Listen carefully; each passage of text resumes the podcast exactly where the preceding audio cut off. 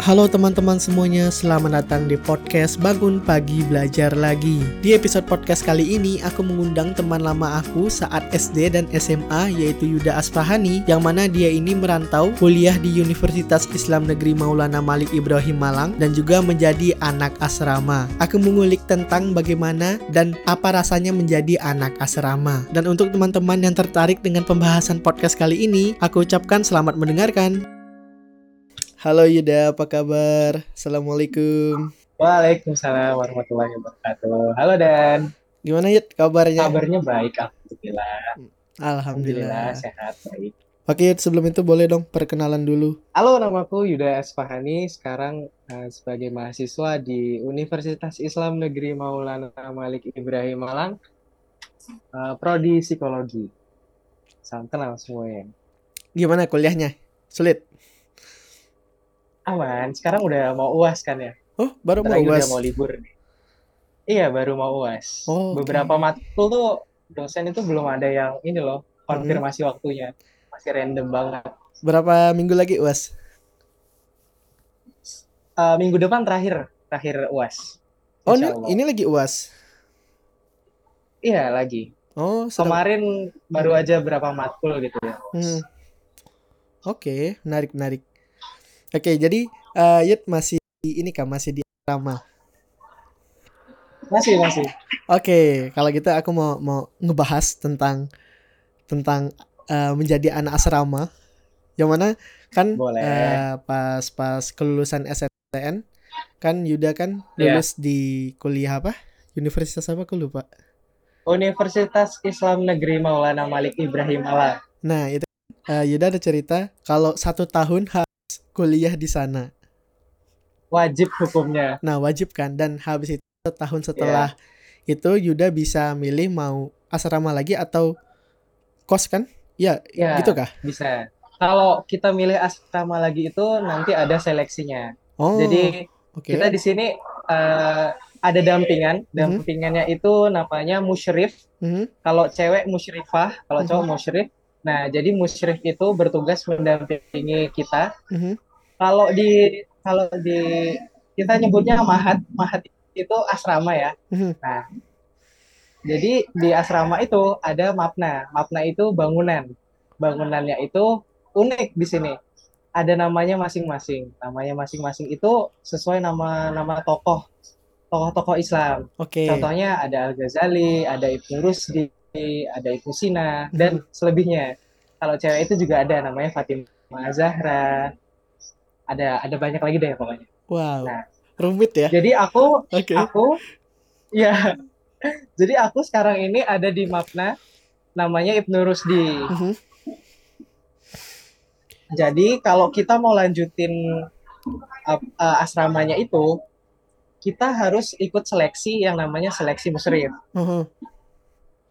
Nah, itu seleksinya lumayan lumayan ribet juga ya karena harus hafal aku aku oh, apa okay, Al-Qur'an. Oke. Okay. Ya. Ada tesnya lah ya. Bisa Iya ya, hmm. bisa ngaji gitu-gitu. Oke, okay, oke, okay, oke. Okay. Menarik, menarik. Nah, Kak kan uh, udah mau udah mau setahun ya di asrama. Nah, aku mau nanya ya. Yeah. Perasaan pertama kali Boleh. masuk asrama tuh gimana? Per perasaan pertama kali kan? Pertama kali. Sebelumnya itu kan uh, pas SMP uh, eh, SMA sama SD kan sama orang yeah. tua kan atau ngekos kan atau yeah. nah pas masuk asrama itu gimana rasanya apalagi ini uh, bukan di kota asal itu merantau lah istilahnya ya yeah, merantau ya hmm. oke okay, cerita ya oke okay, oke okay. awalnya itu awalnya itu nggak tahu kalau UIN Malang ini mm -hmm. ada sistem mahatnya sistem asramanya mm -hmm awalnya karena aku jujur kurang riset waktu itu. Oke okay, oke, okay. narik. Nah, waktu udah keterima lulus banget ya, hmm. udah pendataan, udah pokoknya kita udah ngirimin segala data-data kita tuh. Nah, hmm. aku baru tahu kalau UIN Malang itu ternyata ada mahatnya, ada asramanya. Lah, di situ kan udah terlanjur ya, uh. ibarat udah basah gitu, udah ter, udah terlanjur nyelam gitu. Hmm. Oh ya udah, aku jujur nih nggak nggak terlalu masalah banget pokoknya dengan itu. Hmm. karena dulu waktu SMP itu kan pengen masuk pesantren ya hmm. tapi belum dikasih sama orang tua. Dan alhamdulillah sekarang mungkin ini wujud dari doanya itu loh. Dan wujudnya baru baru asrama. baru terjadi enam enam tahun setelah iya. lulus dan uh, jujur oke. Okay. iya benar dan jujur sangat excited ya tahunya awalnya mm -hmm. abis itu mulai tuh cari-cari tahu di YouTube apa sih Mahat Uin Malang itu gitu mm -hmm. sampai ada nemu video yang uh, kayak day in my life gitu loh di hmm. Mahat itu gimana kesehariannya gimana kayak gitu. Oke. Ternyata setelah udah udah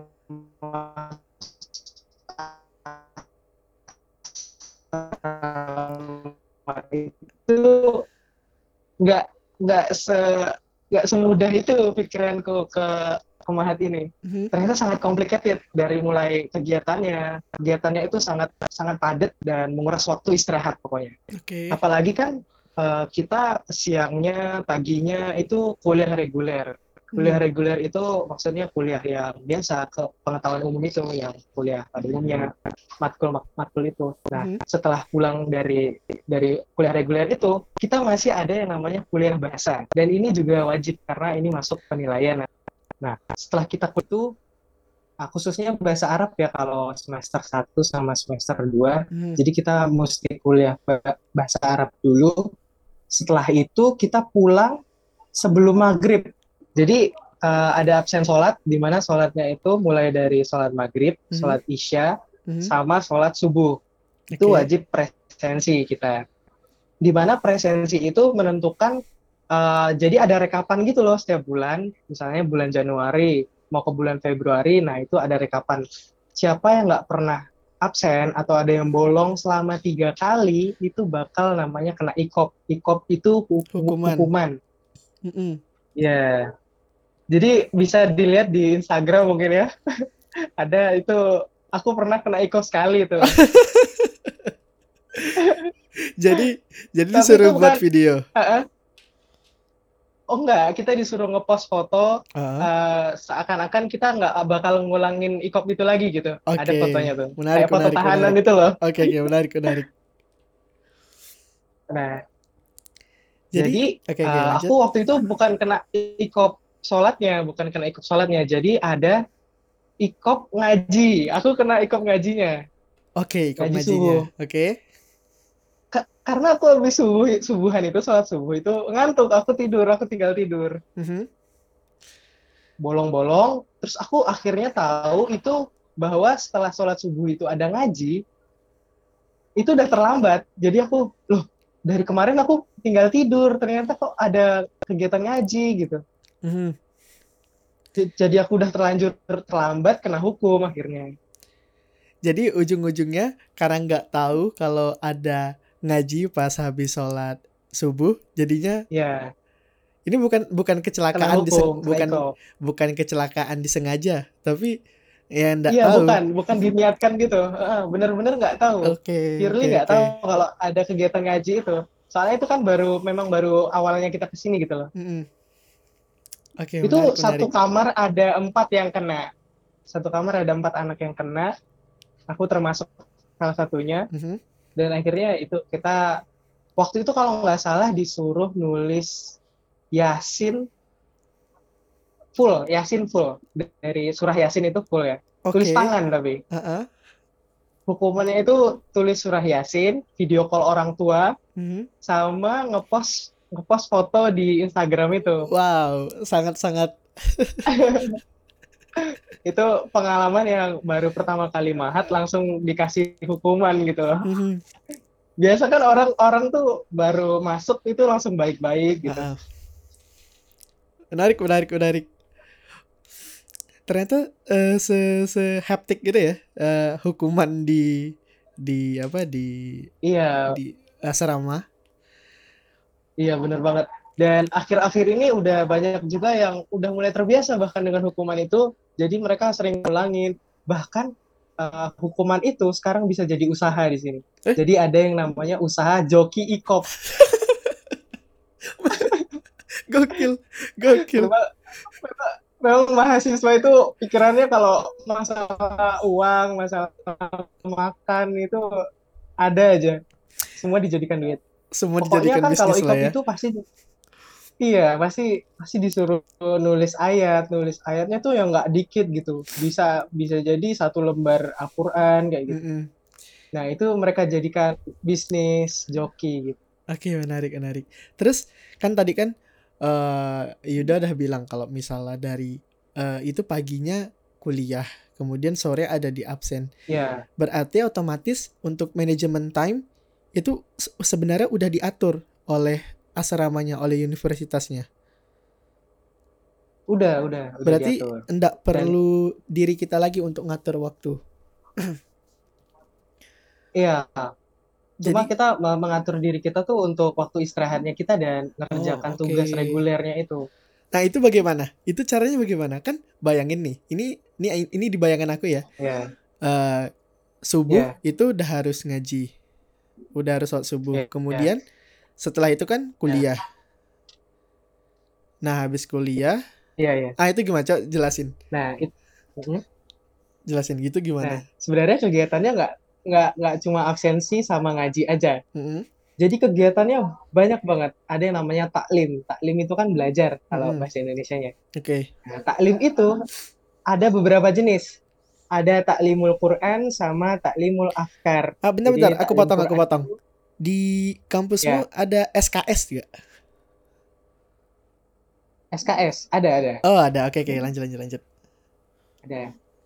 Nah, jadi sampai mana tadi? Taklim ya? Ah, taklim. Quran sama taklim afkar. Mm-mm. Nah, taklim Quran itu kita belajar tentang Al-Quran, cara baca Al-Quran, cara uh, kita memperbaiki bacaan Al-Quran. Pokoknya men- menyempurnakan bacaan Al-Quran kita. Sedangkan yang afkar itu kita belajar fikih sama ak- akhlak.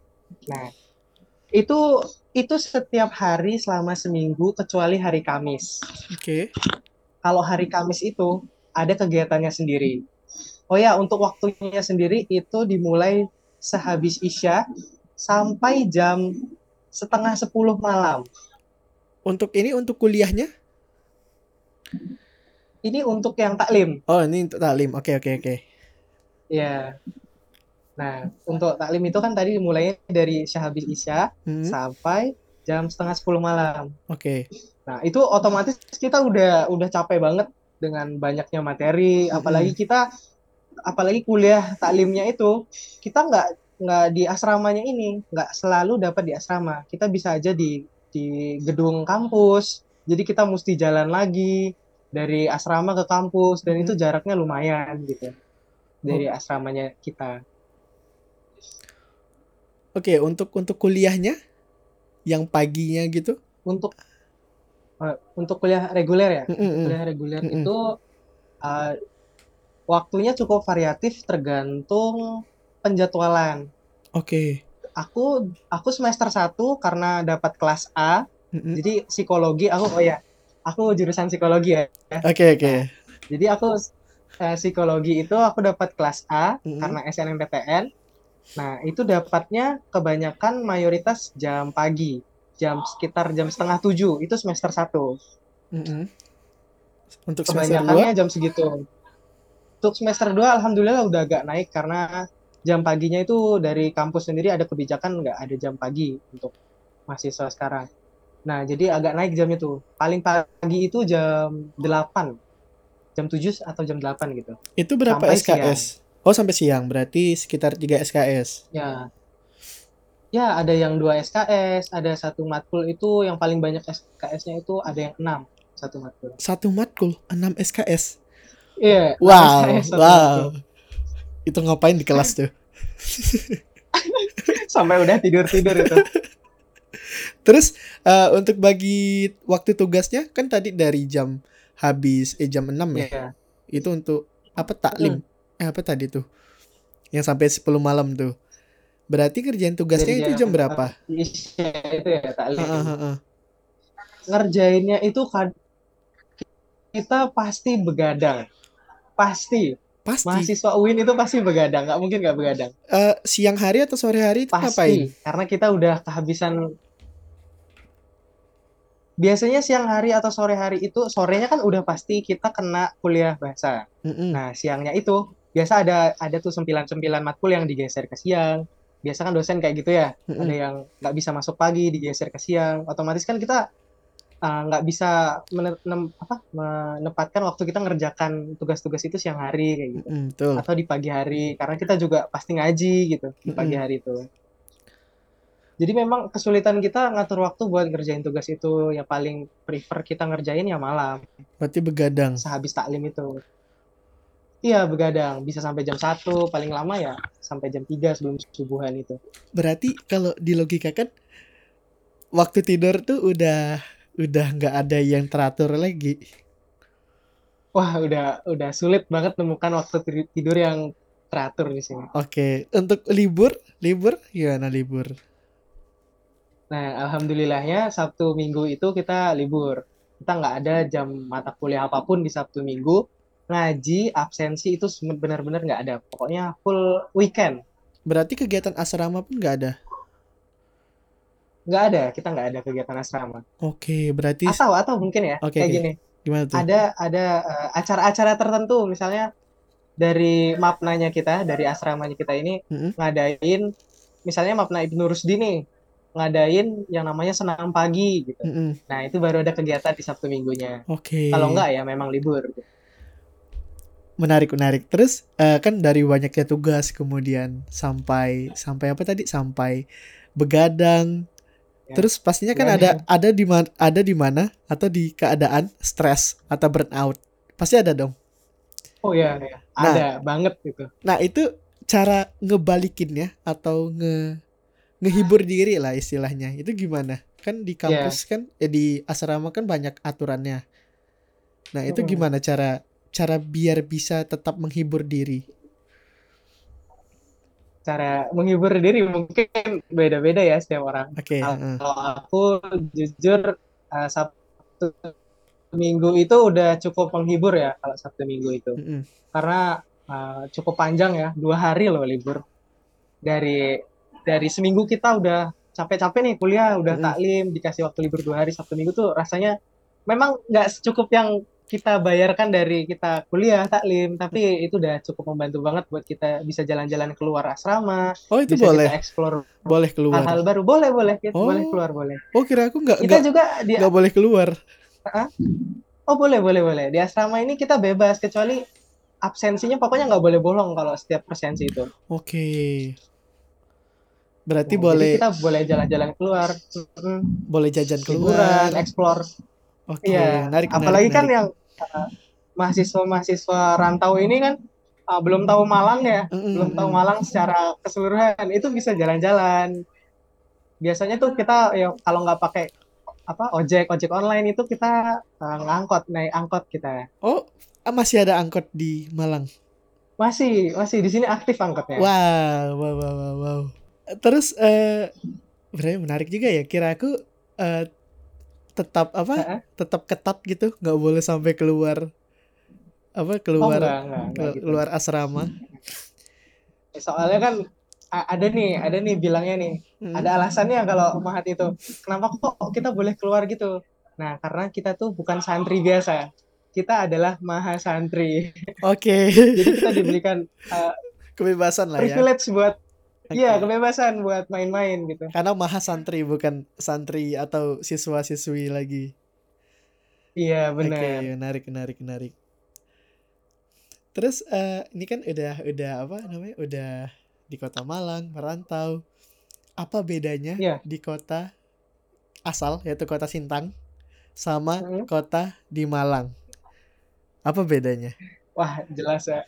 Jelas pertama di sini buat makan harganya cukup terjangkau pertama. Oke, itu itu biasanya berapa tuh? Kita ya Ya, biasanya kalau kita kita ukur pakai hitungan Kalimantan ya, misalnya Kalimantan Barat deh. Mm -hmm. Misalnya bakso deh, bakso. Bakso mm. itu di Kalimantan kalau nggak belas ribu paling murah dua puluh ribu ya. Masih nggak sekarang segitu? Ya, sekitar segitulah. Nah, kalau di Malang itu dia bebas ada yang paling murah 5000 ada yang 7000 paling itu aja 10000 Untuk makan nasi itu kita modelannya di sini prasmanan. Jadi kita ngambil sendiri, walaupun itu kayak di warung makan Padang gitu juga kita ngambil sendiri. Nah, itu harganya cukup murah sih kalau di warung makan Padang Serius? itu paling mahal mungkin belas ribu. Iya, dua belas ribu mungkin paling mahal di, di, di sini tuh. Itu itu uh, uh, maksudnya porsinya itu sebebasnya berarti. Karena prasmanan nasinya kita bebas. Lauknya satu, tetap satu. Bebas. Lauknya dihitung satu itu misalnya daging deh. Mm -mm. daging itu dihitung lima ribu misalnya. Mm -mm. anggaplah nasi itu tiga ribu di sini sebebasnya. Oke. Wah gila. Menarik menarik. Terus ada yang lain nggak? Hal yang beda gitu. Hal yang beda selanjutnya dari uh, cuaca sama udara. Suhu di sini beda banget dengan di Kalimantan. Serius kalau di Kalimantan itu panas banget aku iya. ngerasa dulu selama di Kalimantan itu panas banget benar panas, gitu. ini ini ini panas banget serius ini panas banget kayaknya uh, untungnya seminggu Sekarang belakangan panas, ya? ini ya? seminggu belakangan ini uh, hujan yeah. dan sebelum seminggu ini yaitu sebulan yang lalu kayaknya hmm. itu panas banget banget jadi oke okay, okay, lanjut kemarin lanjut. juga kita ngere uh, ngerencanain podcast ini kemarin ya karena hmm. hujan nggak jadi tuh betul betul nah di sini itu udaranya cukup dingin. Kalau aku yang dari Kalimantan ya, mm-hmm. cukup dingin. Apalagi kalau jam-jam tertentu kayak malam, subuh. Aku awal-awal ke sini itu subuh itu rasanya dingin banget. Apalagi kalau kita udah wudhu nyentuh air itu, uh-huh. wah airnya benar-benar dingin banget kayak air air air kulkas gitu. Itu tapi kan, karena udah adaptasi mungkin, jadi udah biasa sekarang. Kan subuh tuh dingin banget kan? Iya, Wah, nggak kebayang sih. Iya, dingin banget itu subuh. Tapi sekarang alhamdulillahnya udah adaptasi, jadi udah biasa. Oh, sekarang okay. mandi subuh juga udah gas-gas aja kalau sekarang. Jam 12 malam pun gak apa lah. iya. Apalagi kan uh, kalau lihat dari datarannya. Mm-hmm. Dan ini tuh termasuk dataran tinggi gitu loh. Di dekatnya gunung, di belakangnya Uin ini ada gunung, ada satu gunung gitu. oh. gitu. Tapi kayaknya gunung nggak aktif gitu. Oke. Okay. Nah, jadi uh, dari dataran tinggi itu aja udah lumayan dingin kan. Nah, ada lagi satu daerah itu yang nggak terlalu jauh dari sini, mungkin hitungan jam ya. Nah, aku di sana di sana itu tempatnya objek wisata, tempatnya liburan, namanya Kota Batu. Oh, oh iya Kota Batu, Kota Batu. Itu ada abang suku ya? aku kan ya? ceritain. Iya iya, lumayan nah, lumayan di sana itu tempatnya wisata-wisata, tempatnya pokoknya ada alun-alunan sendiri. Mm-hmm. Jadi biasanya kita uh, liburan refreshing itu pasti ke Batu terkenalnya. Okay. Dan di sana itu tempat memang dataran yang paling tinggi di Malang ini dan itu dingin banget, dinginnya banget parah. Kalau udah menjelang maghrib itu aja anginnya udah beda banget itu. Anginnya udah angin subuh mungkin, angin malam. Berarti dingin banget deh di tempat Kota yeah. Batu. Eh, Kota Batu ya? Iya, Kota Batu. Oke. Okay.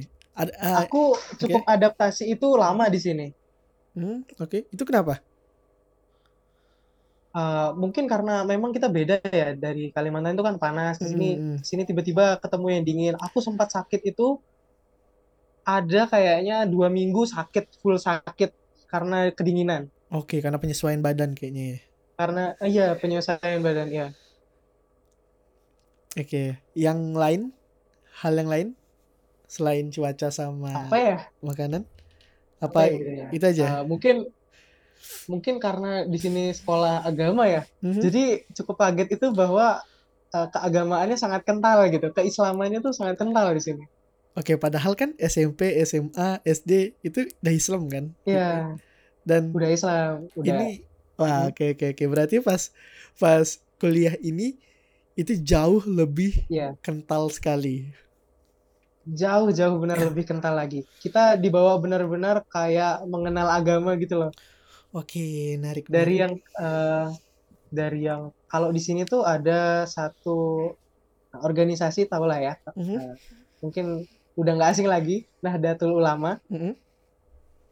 Dan itu di sini benar-benar penerapannya secara nyata gitu dalam kehidupan sehari-hari.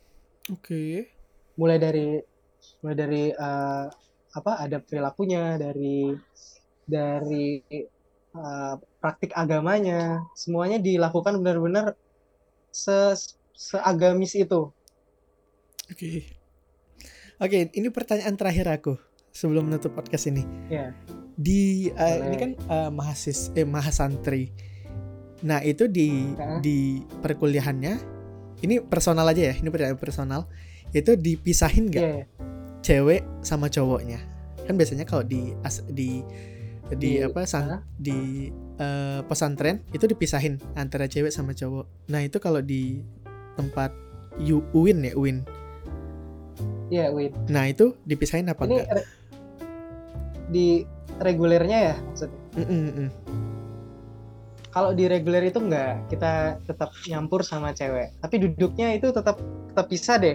Jadi ada sayap kiri, sayap kanan gitu loh. Oh. Ada kelompoknya cewek, ada kelompoknya cowok. Maksudnya nggak bisa ngelihat di kelas lain itu, uh-huh. iya kalau lihat di kelas lain itu ada juga yang nyampur. Jadi memang udah mahasiswa aja, udah oh. bebas aja umum. Oke. Okay berarti kalau kerja kelompok kayak gitu nggak dibatasin enggak enggak berarti bebas aja mau mau kelompok sama cewek atau cowok itu enggak enggak Iya bebas baru di baru di mahatnya itu kita bisa full bisa oke okay. Sip, sip, sip, sip, sip. Oke, okay. ada pesan untuk akhir podcast ini? Untuk ini uh, sebagai anak asrama. Pesan untuk sebagai anak oh. asrama sebagai anak asrama mungkin kalian bersyukurlah yang tidak asrama selama kuliah okay. apalagi dicampur campur pesantren ya uh-huh. sangat bersyukur sekali bisa mengeksplor dunia luar tapi di sini sangat lumayan tertekan sebenarnya oke okay, aku pun aku pun banyak kaget karena kan aku kan nggak pernah pesantren dan nggak nggak uh-huh. mau juga asrama dan iya melihat atau men- eh, mendengar yeah. ceritanya Yuda Wow, sangat mm. sangat sangat sangat sangat angkat tangan. Banyak juga uh, ma mahasiswa yang udah walk out gitu, yang udah keluar gitu dari UIN karena memang udah nggak sanggup gitu. Oke. Okay. Oke okay deh, thank you Yudel. Oke, okay, siap. Apa nama segmennya, nama podcastnya bangun pagi belajar lagi. Iya, Sesuai tagline. Oke, terima kasih ya Yuda udah udah nyempatkan diri untuk yeah, uh, ngobrol di podcast bangun pagi belajar lagi. Dan jumpa di episode yeah. podcast berikutnya. Dadah. Dadah. Terima kasih. Assalamualaikum. Waalaikumsalam.